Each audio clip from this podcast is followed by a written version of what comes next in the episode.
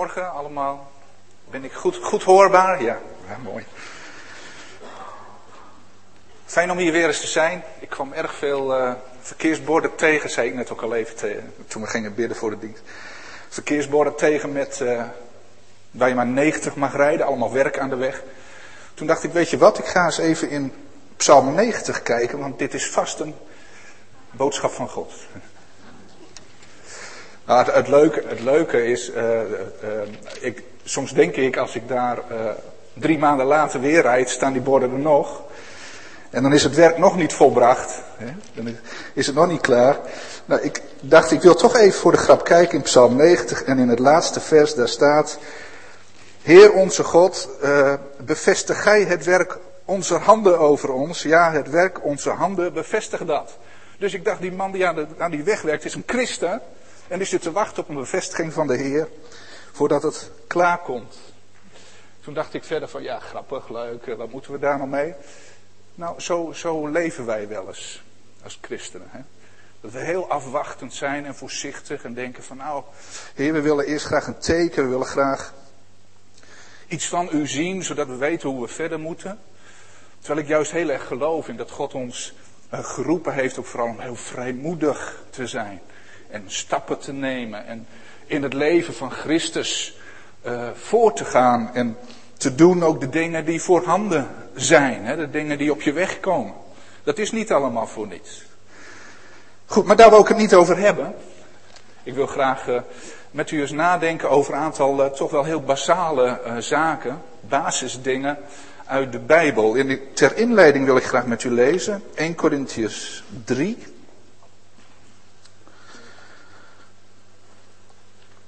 En ik lees uit de vertaling van het Nederlands Bijbelgenootschap.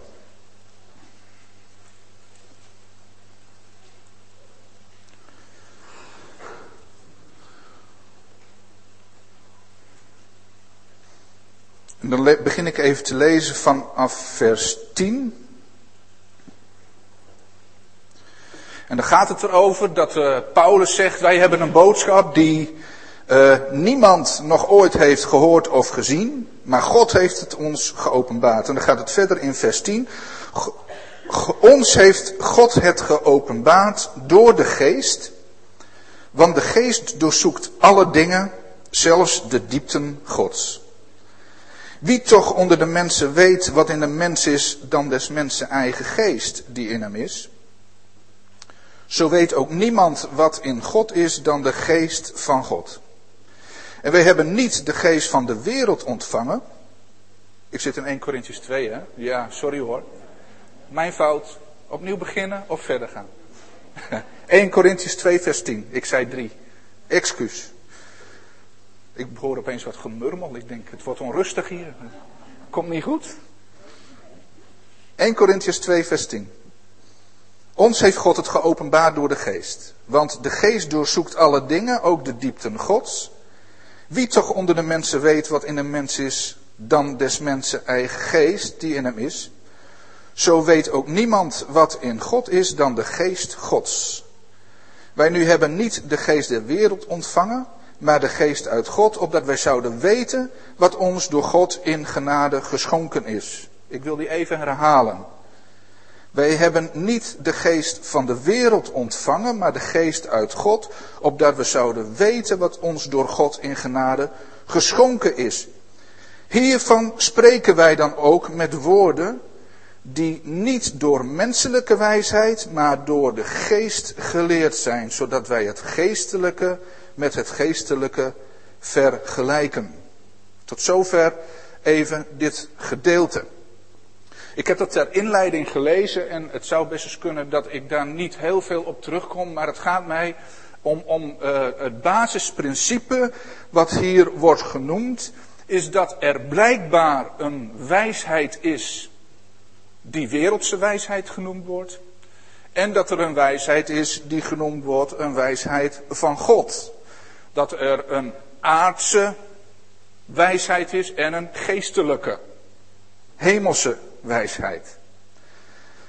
En ik denk in deze tijd, in deze tijd van voortschrijdende techniek, in deze tijd van uh, vloedgolven aan informatie. In deze tijd van waar alles bewezen moet worden. In deze tijd waarin de mens denkt alles te kunnen verklaren. Dat het heel erg nodig is dat de gemeente van Jezus Christus zich bewust is en blijft van het feit dat wij een andere wijsheid hebben te zoeken. En ons hebben te verbinden aan een andere wijsheid dan waar wij dagelijks mee worden geconfronteerd. En dat is best lastig. Want wij leven in een wereld en te midden van mensen en, en te midden van media die ons 90%, nou misschien wel veel meer, ik durf het niet uit te drukken, misschien wel 99% van onze tijd overspoelen met wereldse wijsheid. En willen wij iets van de wijsheid van God hebben, uh, ontvangen, tot ons nemen, moeten wij ons best daarvoor doen. Snapt u het verschil? Zonder dat je het wil, word je dagelijks overspoeld met zoveel leringen, met zoveel vormen van denken die niet van God zijn, terwijl wij ja, heel erg ons best moeten doen om iets van God te ontvangen. Wijsheid van God. Ik wil eens met u nadenken vandaag over hemelse en aardse zaken. Over geestelijke, vleeselijke zaken. De tegenstellingen. Over wat van God is en wat van deze wereld is. Hemels en aards. Ik, wil, ik laten we bij het begin beginnen. Genesis 1, vers 1. Er staat in de beginnen schiep God hemelen en aarde. Nou, die tekst kennen we allemaal uit het hoofd, hoop ik. In het begin schiep God hemelen en aarde. Daarin geeft de Heer aan, er is een hemelse toestand. Er is een hemels gebeuren, er is een aards gebeuren. Nou, daar kun je heel veel over zeggen. Ik ga niet heel diep op dit soort dingen in. Ik wil even de lijn trekken. Wat doet God vervolgens als hij die mens gaat maken? Wat doet hij? Hij gaat in de aarde stof bij elkaar halen. Hij maakt uit de aarde, boetseert hij een mens. En die mens is dus aards. Even 1 Corinthians 15. De, de, de, de eerste mens, Adam, die is uit de aarde, hij is aards, hij is stoffelijk. Maar weet je wat God, God doet? God heeft hemel en aarde geschapen. Hij heeft in de eerste uh, dagen heeft hij een heleboel dingen op die aarde gedaan. En vervolgens gaat hij de mens maken. En die mens heeft hij bedoeld om de perfecte schakel te zijn tussen hemel en aarde. Tussen God en aarde. Want wat doet hij? Hij neemt de aarde en blaast daarin zijn adem. God formeerde de mensen uit de stof der aarde en blaast hem een levensadem in. Gods adem. En dat betekent dat deze mens, die naar Gods beeld gemaakt was, boven het aardse uitstijgt. Hij is aan de ene kant aards, stoffelijk, aan de andere kant geestelijk, een geestelijk wezen. En dat onderscheidt de mens van dieren.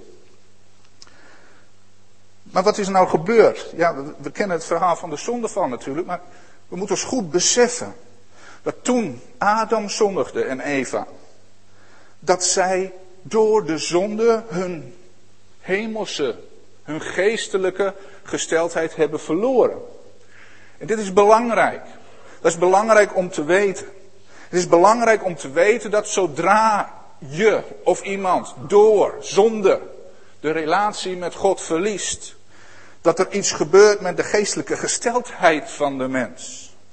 En ik wil een paar teksten daarvoor even aanhalen. Ik ga wat de Bijbel doorbladeren. Ik hoop dat u ook één mee hebt. Nou, dat blijkt wel, want net hoorde ik wat onrust toen ik verkeerd stuk las. Een verkeerde tekst zei. Dan gaan we eens even kijken naar Efeze 2. Het zijn geen nieuwe dingen. Dat kan ook niet, want de Bijbel is al oud. Efeze 2.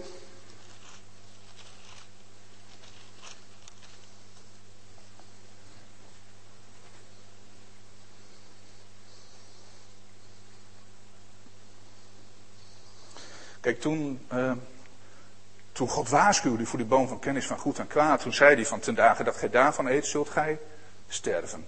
Uh, dus er, gebeurt iets. Wat zegt de Bijbel? Wat leert de Bijbel ons over de toestand van de mens zonder Christus, zonder God? Hoofdstuk 2, vers 1 zien we dat staan. Ook u, hoewel gij dood waart door uw overtredingen en zonden waarin gij vroeger gewandeld hebt, overeenkomstig de loop van deze wereld enzovoort. Het gaat me even om dat eerste stukje. U, hoewel gij dood waart door uw overtredingen en zonden. En dat is een basisprincipe uit de Bijbel, dat zonde, overtredingen, brengt dood. Wat is dood? Dood betekent dat de relatie met de levende God weg is. Die is afwezig. Dood is afwezigheid van een relatie. Je kunt niet meer spreken, je hebt geen contact. En zonde brengt dood. En wat, wat brengt dat nog meer met zich mee? Ik ga even naar vers 5 in hetzelfde gedeelte.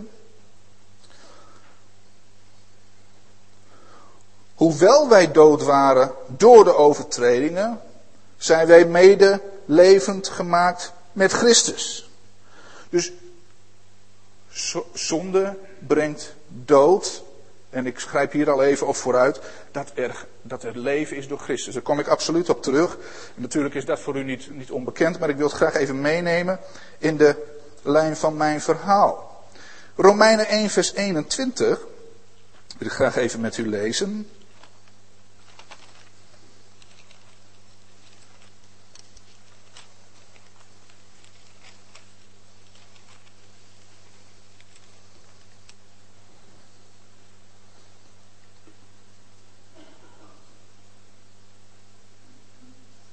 Romeinen 1, vers 21. Dat gaat ook over de mens in zijn toestand zonder God. Immers, hoewel zij God kenden, en daarvoor staat ze hadden hem kunnen kennen, want je kunt aan de natuur, aan de schepping, kun je zien dat er een schepper is. Hoewel zij God kenden, hebben zij hem niet als God verheerlijkt of gedankt, maar hun overleggingen, dat, dat is je, je nadenken, hè? je overlegt met jezelf, zijn op niets uitgelopen en het is duister geworden in een onverstandig hart. Wat is er met de mensheid aan de hand? Wat is er met de mens gebeurd? Ik begon even bij Adam, dat deed ik niet voor niets. Adam had een levende relatie met God. En wat er eigenlijk gebeurd is, door de zonde en doordat volkeren in zonde zijn blijven leven, door de hele geschiedenis heen, inmiddels zo'n 6000 jaar, bijna 7000 jaar, zoiets. Zal de wetenschapper niet mee eens zijn. Whatever. Wat, wat is er gebeurd? Het licht is uitgegaan. Hebt u gezien wat hier staat in Romeinen 1, vers 21? Hun overleggingen zijn op niets uitgelopen en het is duister geworden in een onverstandig hart. De mens heeft een verduisterd hart. De gordijnen zijn dicht en het licht van God schijnt daar niet. In Efeze 4, vers 17 en 18, dat zoek ik even niet op, daar staat dat de mens is terechtgekomen in een ijdelheid van denken. Nou, wat is ijdelheid? Ijdelheid is leegheid, het stelt helemaal niks voor. De mens is terechtgekomen in een ijdelheid van denken. Hij is verduisterd in het verstand en vervreemd van het leven van God. Nu wil ik u vragen. Als je, als je deze dingen zo, zo hoort, hè, gewoon een aantal teksten. Wat, wat valt je dan op? Ja, natuurlijk valt je op, donker geworden, God kwijt, eh, de weg kwijt, al dat soort dingen. Dat is een retorische vraag ook, u hoeft geen antwoord te geven. Wat mij opvalt als ik dit lees, is dat het weg zijn van God veel minder, dat daarbij veel minder nadruk wordt gelegd op wat een mens allemaal doet, maar dat er telkens de nadruk wordt gelegd op wat een mens allemaal denkt. En wat hij zich overlegt, waar hij mee bezig is in zijn binnenste. Wijsheid, verstand. Dat soort zaken gaat het om. Dingen die niet zichtbaar zijn, maar dingen die zich afspelen in je hart, in je binnenste, in je hoofd. Na de zondeval is de mens namelijk bezig zijn eigen koninkrijk te bouwen. Maar dat niet alleen. De mens, en, en ik geloof dat dat bij ieder mens is, weet heel diep van binnen dat hij een bestemming heeft. Dat hij ergens vandaan komt, dat hij ergens naartoe gaat. Dat zijn leven een bedoeling heeft. En zonder God is zijn verstand duister, heeft hij geen wijsheid en is hij steeds bezig om iets te realiseren. Hij probeert toch iets te verwezen, hij probeert iets te bouwen. Leest u in, in, in de Bijbel, ik vind het een prachtige voorbeeld. Na de zondeval, nadat Kain Abel dood heeft geslagen, het eerste wat Kain gaat doen, of een van de eerste dingen die Kain gaat doen, wat beschreven staat, als hij, als hij uh, aan het zwerven is gegaan, is een stad bouwen. Hij begint te bouwen. Een mens is bezig met bouwen. En een mens bouwt altijd iets. Vanaf het moment dat u enigszins zelfstandig werd, vanaf kleinkind af aan, ben je bezig iets te bouwen. Wordt er iets gebouwd? Wordt iets gecreëerd? Wat wordt gecreëerd? Jij. Jouw ik, jouw zijn, hoe, wie je bent, wat je bent. Er wordt gebouwd. En de mens is zonder God toch bezig en probeert hij toch het aardse te ontstijgen en iets te bouwen wat hem rust en vrede en vrijheid geeft, omdat hij weet, omdat hij weet dat hij daar naartoe moet. Een mens weet dat hij naar rust, naar vrede, naar vrijheid toe moet.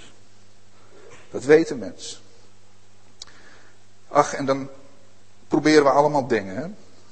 Sommigen gaan op zoek naar God. Sommige mensen hebben God gevonden. Prijs de Heer. Neem aan dat u God hebt gevonden. Je, je zoekt God, je vindt God.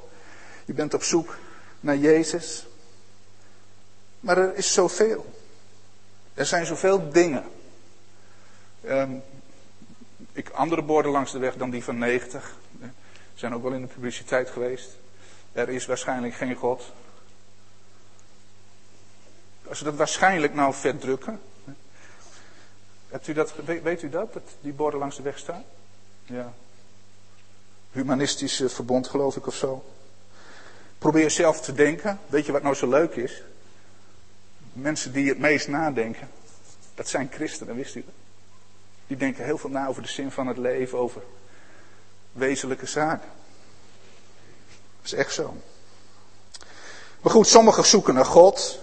Anderen die proberen de, de, ja, eigenlijk de doodlopende weg van dit leven, zeg maar, te ontvluchten door ja, een heleboel uh, andere dingen. Ik noem een paar. Uh, het creëren van een eigen wereld door drugs, alcohol, seks, games. Echt onderschat het niet. Games, andere verslavingen. Proberen te vluchten. Er zijn mensen die zoeken geestelijke verlichting, omdat zij geloven dat de weg is. Bijvoorbeeld door yoga, reiki, boeddhisme, alle soort zaken. Er zijn ook mensen die proberen hun eigen wereld te creëren, dus zich los te maken van zeg maar, het, het uitzichtloze van deze wereld. Proberen ze te creëren door, door wereldheerschappij te willen.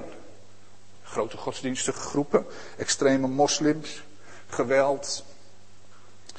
Maar een van de geniepigste, Oké, van die andere kunnen we direct zeggen van moet je niet willen, hè? moet je niet doen. Toch, die ik net genoemd heb, moet je niet doen. Gewoon. Moet je niet willen. Maar de geniepigste, is dat trouwens een goed Nederlands woord, geniepig? Of zit ik nou in het Gronings te praten? Perfect, Nederlands, oké. Ja, sinds ik, ik, ik, ben ooit van Groningen verhuisd naar Alkmaar en sinds ik daar woon bezig ik wel eens uitdrukkingen zeggen. Men, wat zeg je nou? Daar heb je het nou weer over en dan blijkt het dus een Groningse uitdrukking te zijn. Vandaar dat ik er even naar vraag. Een van de geniepigste en de sluipmoordenaar, zeg maar, voor degene die God zoekt, dat is de welvaart. Een van de geniepigste is die van het zoeken naar zekerheid in geld, macht, carrière en menselijk intellect. En het lijkt, wij groeien daarin op. En wij, wij vinden dat normaal. Maar als je goed nadenkt wat er nu eigenlijk met de wereld aan de hand is, en dat blijkt, dat blijkt voor alle in tijden waarin het moeilijk wordt. Ik had mezelf haast voorgenomen het woord crisis niet te noemen. Crisis. Ja, economische crisis. Omgevallen banken, noem maar op. Er is de hele wereld in paniek. Want we hebben een systeem gebouwd. Dat erop is gebaseerd dat we geld moeten uitgeven. Maar vindt u het niet belachelijk? Denk er eens over na. Hè? Het is raar. De hele wereld in paniek.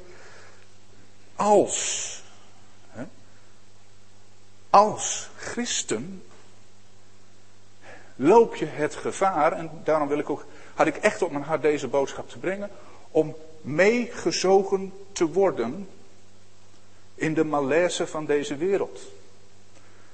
En een van de oorzaken daarvan is dat wij er graag aan meedoen.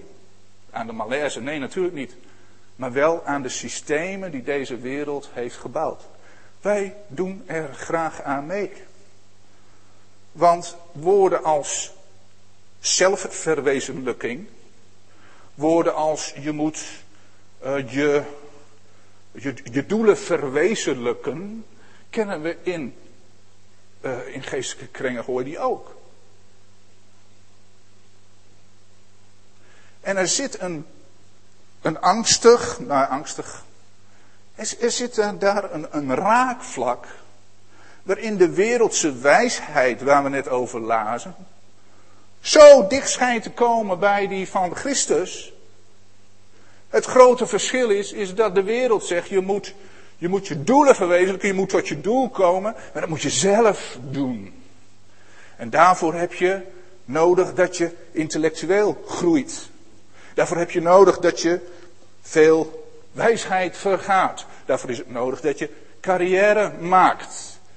Dat zijn aardse vormen van denken die weliswaar lijken op de hemelse en de geestelijke, maar het absoluut niet zijn. Omdat ze namelijk een heel ander doel voor ogen hebben. Het is verbazingwekkend hoeveel christenen, dus zeg maar geestelijke mensen, ook van slag geraakt zijn door de situatie in de wereld. Dat is uh, zorgelijk. Dat is zorgelijk. Want waar ligt jouw fundament? Waar heb jij je huis op gebouwd? We kennen het verhaal allemaal. Het verhaal van de rots en van het zand. Daarom is het belangrijk dat we ons steeds meer bewust van worden dat het denken van God echt een andere is dan het denken van deze wereld. Ik wil graag even met u kijken naar Johannes 3, vers 1 tot en met 7. En dat is de basis van, van de christelijke mens, het wedergeboren worden. Want het eerste wat met ons gebeurt als, als wij christen worden, is dat God opnieuw zijn levensadem in ons blaast. waar waren we ook alweer? Oh ja, Adam was het leven kwijtgeraakt. De mens is God kwijtgeraakt. De geest is dood. En het De ommekeer komt pas daar, daar waar Jezus Christus door zijn dood en opstanding, door zijn offer, door zijn geest opnieuw geest van God in ons blaast.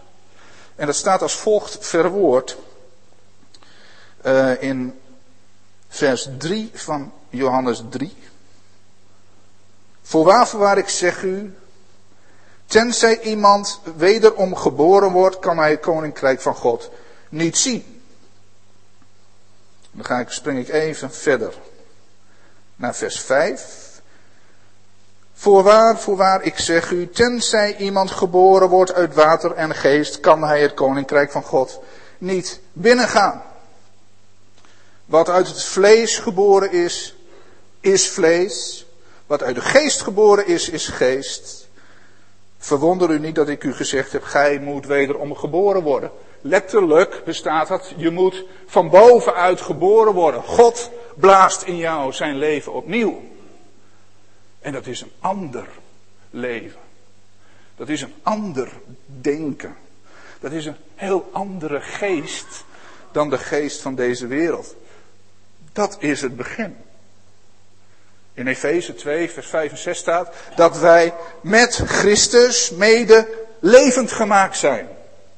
Wij zijn met Christus opgestaan. We gaan straks de opstanding weer vieren. De dood van Jezus, de opstanding, Goede Vrijdag, Pasen. We zijn met Christus opgewekt. Wat betekent dat? Dat daar waar wij in een graf lagen, in de dood, door zonde, door overtredingen, door de wereldse wijsheid, door alles wat ons overkomen is en gebeurd is, maar vooral omdat wij God niet hebben geëerd. Toen wij daar in de dood lagen, heeft God zijn leven opnieuw in ons geblazen. Door Jezus Christus. Net zoals ooit in Adam. En als je bent opgewekt. Nee, als je bent levend gemaakt, dat is het eerste. God blaast, je bent levend gemaakt. Dan vervolgens zegt dezelfde tekst, Efeze 2, word je mede opgewekt met Christus. Levend gemaakt, opgewekt. Je staat op uit het graf. En vervolgens heeft deze Jezus je een plaats gegeven in het hemelse. Mensen, u die wedergeboren bent, u bent een levend mens. Het leven van God is in je gelegd. Je bent een opgewekt mens. Nou, laat die glimlach eens zien. Je bent, je bent een opgewekt mens. Je bent opgestaan uit de dood. Maar je hebt ook een plek van God gekregen in het hemelse. Je maakt deel uit van een hemels koninkrijk. Van een, niet een aardshuis, maar een geestelijk huis. Je maakt deel uit van een geestelijke tempel. Je maakt deel uit van een wereld die de werkelijkheid is van God. Met een andere wijsheid, met een andere kennis, met een andere vorm van denken, met ander verstand dan deze wereld je ooit zou kunnen geven. En, en, en daar ligt het gevaar en dat grijze gebied waar ik net even over had. Er is geen compromis. Er is geen compromis tussen de wijsheid van God en de wijsheid in deze wereld. Natuurlijk is het zo dat deze wereld allerlei elementen van de wijsheid van God in zijn wijsheid heeft ingelegd. Tuurlijk. Groei, ontwikkeling zijn allemaal dingen van God hoor. Deze wereld heeft zelf niet zoveel bedacht. Het is allemaal gestolen goed, zeg ik wel eens. En gestolen goed gedijt niet, zeggen ze dus. Moeten we niet doen. Maar wat betekent het dan als wij, als wij geestelijke wezens zijn geworden? Door de inblazing van Gods geest in ons leven. Dan betekent dat dat wij ook, dat van ons ook een ander, andere vorm van denken wordt verwacht. Dat van ons een ander leven wordt verwacht. Het licht is weer aangegaan. God is er weer. En dat betekent dat de duisternis verdwijnt. Het licht gaat weer aan. Efeze 4, ik wil dat graag met u opzoeken.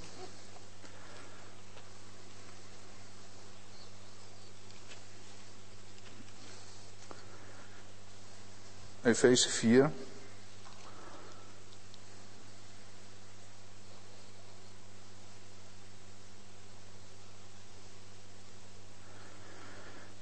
Even bij vers 17, om de lijn even weer te trekken. Dit zeg ik dan en betuig ik in de Here, Efeze 4, vers 17, dat gij niet langer moogt wandelen zoals ook de heidenen wandelen. En eh, echt waar hoor, als u dit leest, de heidenen wandelen, moet u niet denken aan, oh ja, in de Romeinse tijd en dat soort dingen. Nee, dat is gewoon de mensen in de wereld die God niet kennen. Dat gij niet langer moogt wandelen zoals de heidenen wandelen in de ijdelheid van hun denken, leegheid van hun denken, verduisterd in het verstand, vervreemd van het leven van God. Maar, vers 20, hele bekende natuurlijk, gij geheel anders, gij hebt Christus leren kennen. Dat is een tekst die we, die we, die we goed kennen. Hè? Dat, dat is ook één die moet je gewoon uit je hoofd hebben. Gij geheel anders, gij hebt Christus leren kennen. Maar er komt nog zoveel meer. Excuus. Gij toch hebt van hem gehoord en zijt in hem onderwezen. Gelijk dit de waarheid is in Jezus, dat gij, wat uw vroegere wandel betreft, de oude mens aflegt. Kijk, het opstaan uit de dood betekent dus dat je de oude mens, dat wat je vroeger was, aflegt. Want die gaat ten verderven, staat hier. Maar wat moet er dan gebeuren, vers 23? Je moet verjongd worden. Ergens anders in een andere vertaling staat, je moet vernieuwd worden door de geest van je denken. En de nieuwe mens aandoen.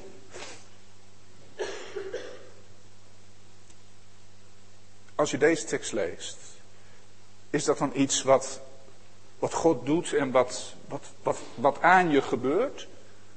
Of staat hier iets waar je actief in moet zijn?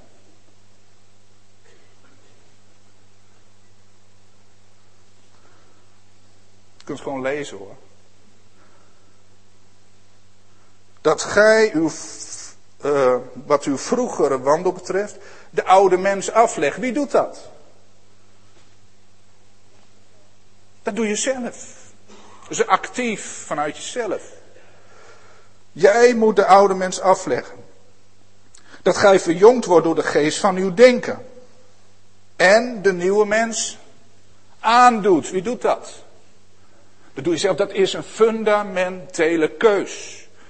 En ik zou zelf zeggen, dat is niet een eenmalige fundamentele keus. Dat is een keus die je dagelijks maakt. Heer, ik wil vandaag niet leven uit mijn ik. Ik wil niet leven uit mijzelf. Ik wil leven vanuit een nieuwe mens. Ik wil de nieuwe mens aandoen. Ik wil verjongd worden. Ik wil vernieuwd worden in mijn denken. Want uw denken stijgt zo ver boven het denken van deze wereld uit. En als ik meegezogen word in het denken van deze wereld, dan kom ik in de dood terecht. Dan is het een doodlopende weg. Heer, ik wil vernieuwd worden in mijn denken. Hoe word je vernieuwd in je denken? Hoe, hoe, hoe doet God dat dan? Wat moeten wij zelf doen? Je moet in ieder geval iets binnenkrijgen. In je oren of via je ogen. Er moet iets in in je hersens binnenkomen. Om het denken te veranderen. Hoe doen we dat dan? Ik zei aan het begin. Dat we misschien wel 99% van onze tijd overspoeld worden met wijsheid van deze wereld. Oh, zoveel. Kranten vol. Internet. Nu.nl. Je kunt, we kunnen overal bij. Een enorme schat aan informatie.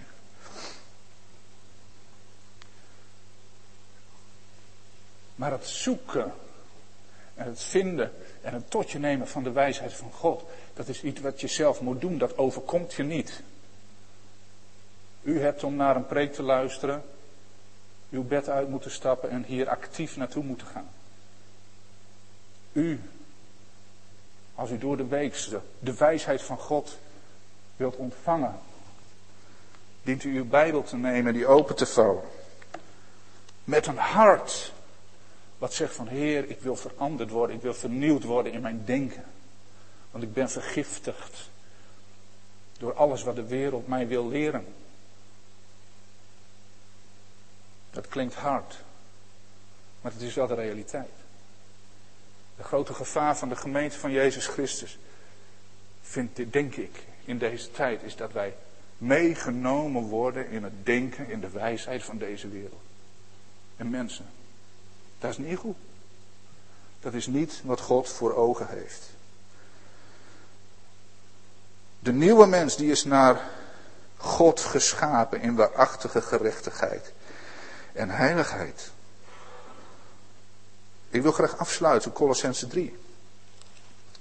Ook weer zo'n bekende tekst, tenminste, ik vind hem heel bekend. Ik hoop dat hij voor u ook bekend is. Nou wie? Colossense 3 vers 1, wat staat er? Nee, het is geen quiz.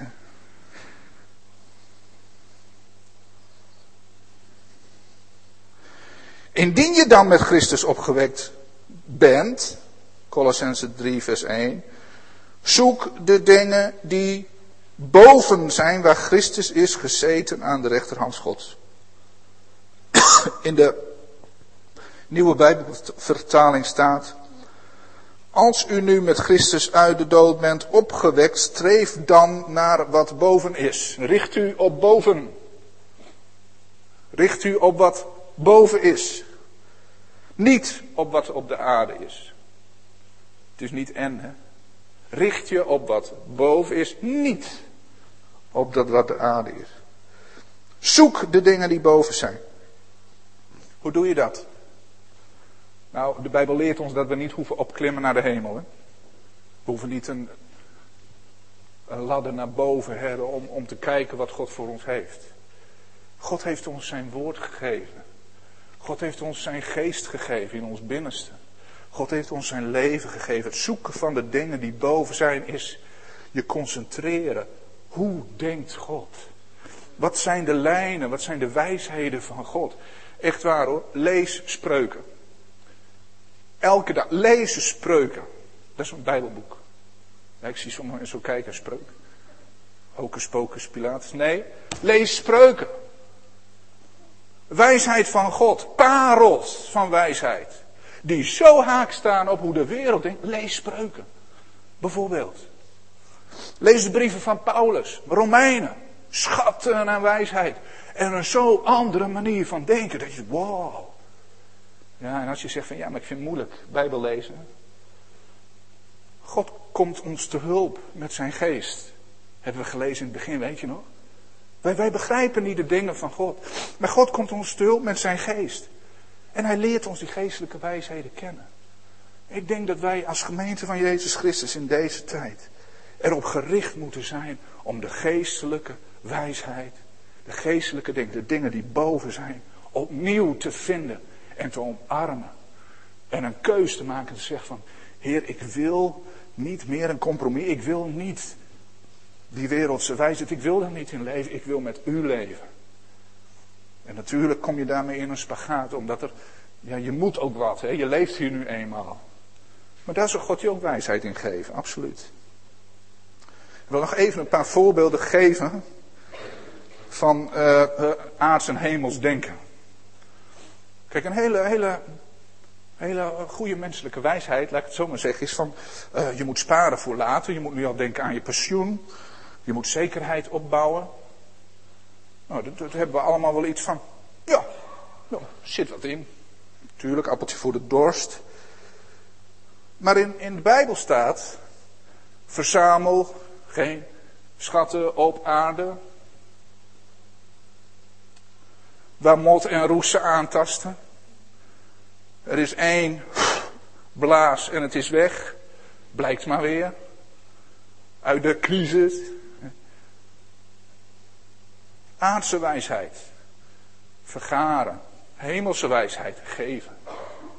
toch? Dat is wat Christus ons toch leert. Geven. Aardse wijsheid. Carrière maken.